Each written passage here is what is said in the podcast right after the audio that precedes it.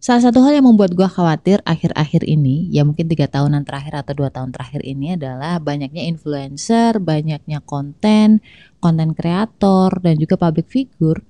Orang yang ngebantah, orang yang gak mau nurutin aturan Allah dan dia berusaha untuk merubah aturan Allah, baik di Quran maupun hadis. Ya apa pun narasi yang dia bangun lah. Dan gue percaya bahwa seseorang yang melawan fitrahnya dia, itu pasti membangun narasi seolah-olah canggih banget, seolah-olah tuh keren banget kata-katanya. Tapi setelah ditelaah dari sisi diksi, jadi bertentangan satu sama lain, kontradiktif gitu. Ya lengkapnya di video gue aja lah ya di YouTube gue di Ria Marliana. Karena kan kalau ngomongin diksi itu kita harus ada videonya. Kan gak lucu ya kalau misalkan ada segmen audio reaction. Assalamualaikum. Gimana kabar lo? Alhamdulillah. Apakah lo lagi ngerasa kesepian atau sendirian? Kenalin gue Ria Marliana, teman healing lo di podcast Self Healing. Di sini kita bakal ngobrol bagaimana sih belajar berdamai dengan luka, tentu aja atas izin Allah Subhanahu wa taala. Semoga Allah sembuhkan lukamu, ringankan bebanmu dan kuatkan hatimu.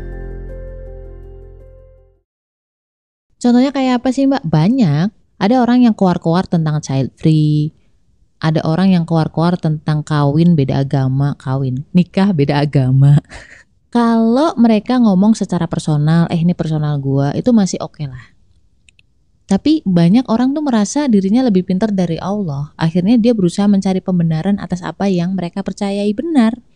Khawatir adik-adik kita, anak-anak kita, cucu-cucu kita itu menganggapnya benar karena tidak ada yang mengcounter. Gue khawatir itu dianggap sebuah kebenaran. Padahal itu hanyalah sebuah pembenaran. Beda ya. Naluri manusia memang akan mencari pembenaran atas apa pun yang dia percayai benar, atas apa pun yang dia inginkan. Itu tolong dicatat ya, tolong dicatat. Kalau seperti ini, maka rules akan mengikuti standar setiap keinginan manusia. Betapa chaosnya, tau nggak? Betapa kacaunya dunia ini kalau misalkan meteran itu nggak seragam, nggak sama, ngikutin suka-suka A, suka-suka si B gitu kan hidup itu kayak di jalanan lah. Kalau misalkan di jalanan tidak ada rambu lalu lintas, kebayang betapa hancurnya jalanan ya, sering tabrakan, habis tabrakan ngerempet terus marah-marah, tonjok-tonjokan, bunuh-bunuhan gitu. Nggak lucu. Betapa tidak nyamannya dunia semacam itu.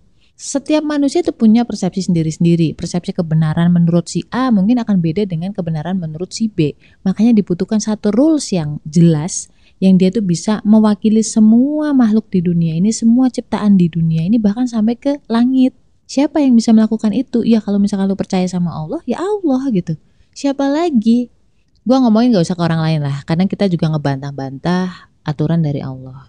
Ruginya di siapa? Bukan di Allah, bukan di kita.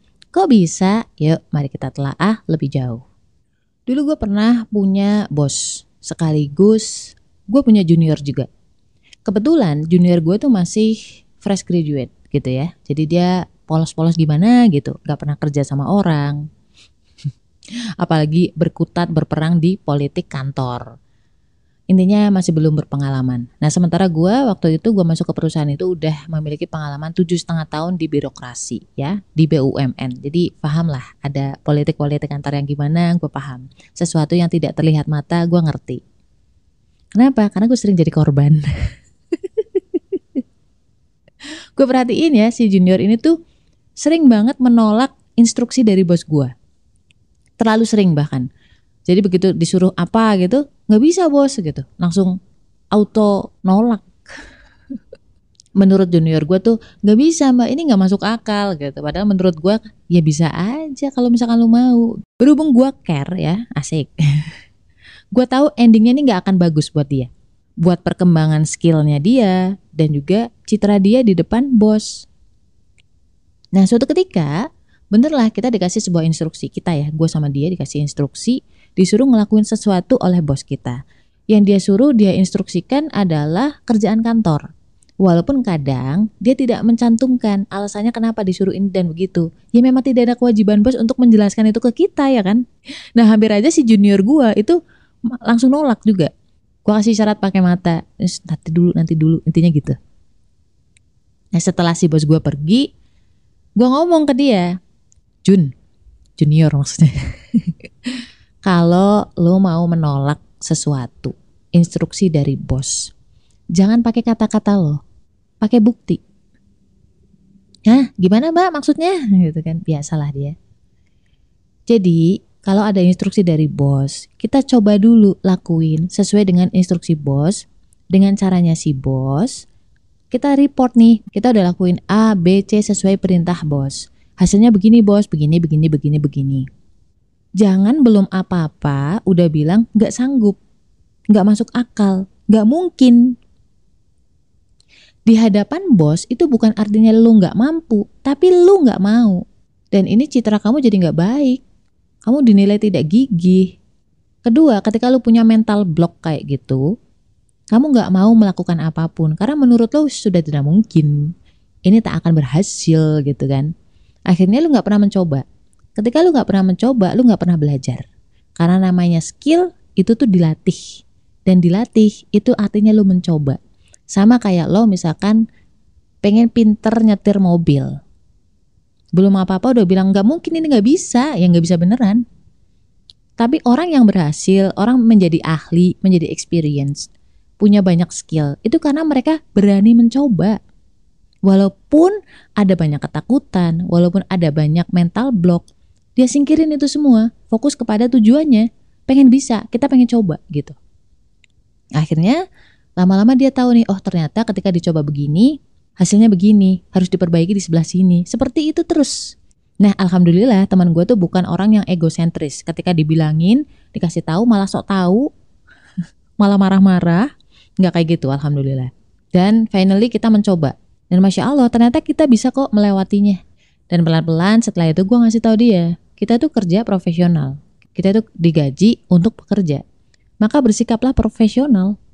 Kadang kita dikasih pekerjaan yang mudah, yang bikin kita males, yang mungkin kita nggak tahu nih tujuannya buat apa sih, kenapa sih bos gue ngasih instruksi begini dan begitu gitu. Cuma kita tahu diri lah, karena kan bos itu tidak ada kewajiban menjelaskan apa pun kepada anak buah. Itu dulu rulesnya. Jangan hanya karena mood, jangan hanya karena males, terus kita berpikir bahwa ini kayaknya susah, akhirnya kita tidak melakukan kewajiban kita. Itu namanya kita nggak profesional. Kita sebagai manusia juga sebenarnya sama bos kita adalah Allah. Jangan hanya karena ah males, ah repot mau punya anak, ah kayaknya kok sulit dia menikah, ah kayaknya sholat kok bikin kita mager ya. Kita tidak menjalankan peran kita sebagai manusia. Tubuh kita, nafas kita, akal kita, ilmu kita, dan lain sebagainya itu tuh fasilitas dari Allah. Itu kita dipinjemin sama Allah sama kayak kita kerja dapat fasilitas handphone, dapat fasilitas laptop, mobil, motor. Kan kita ada pertanggungjawabannya ke perusahaan. Dan kita sebenarnya tuh bukan hanya staffnya Allah, bukan hanya pegawainya Allah, tapi kita tuh hambanya Allah, abdi dalamnya Allah gitu. Toh Allah juga maha tahu. Gak mungkin kan Allah memberikan instruksi atau perintah yang kita gak akan bisa memenuhinya. Ingat di surat Al-Baqarah 286, Allah tidak membebani seseorang melainkan sesuai dengan kesanggupannya. So sekarang paham dong ya, kita yang masih ngeles-ngeles akan aturan Allah, padahal belum mencoba, itu kelasnya junior, fresh graduate, atau experience, atau berpengalaman. Yang pasti ingat bahwa di surat Al-Asr ya, demi masa bahwa manusia itu berada dalam kerugian, kecuali mereka yang berbuat baik dan menasihati orang lain untuk berbuat baik.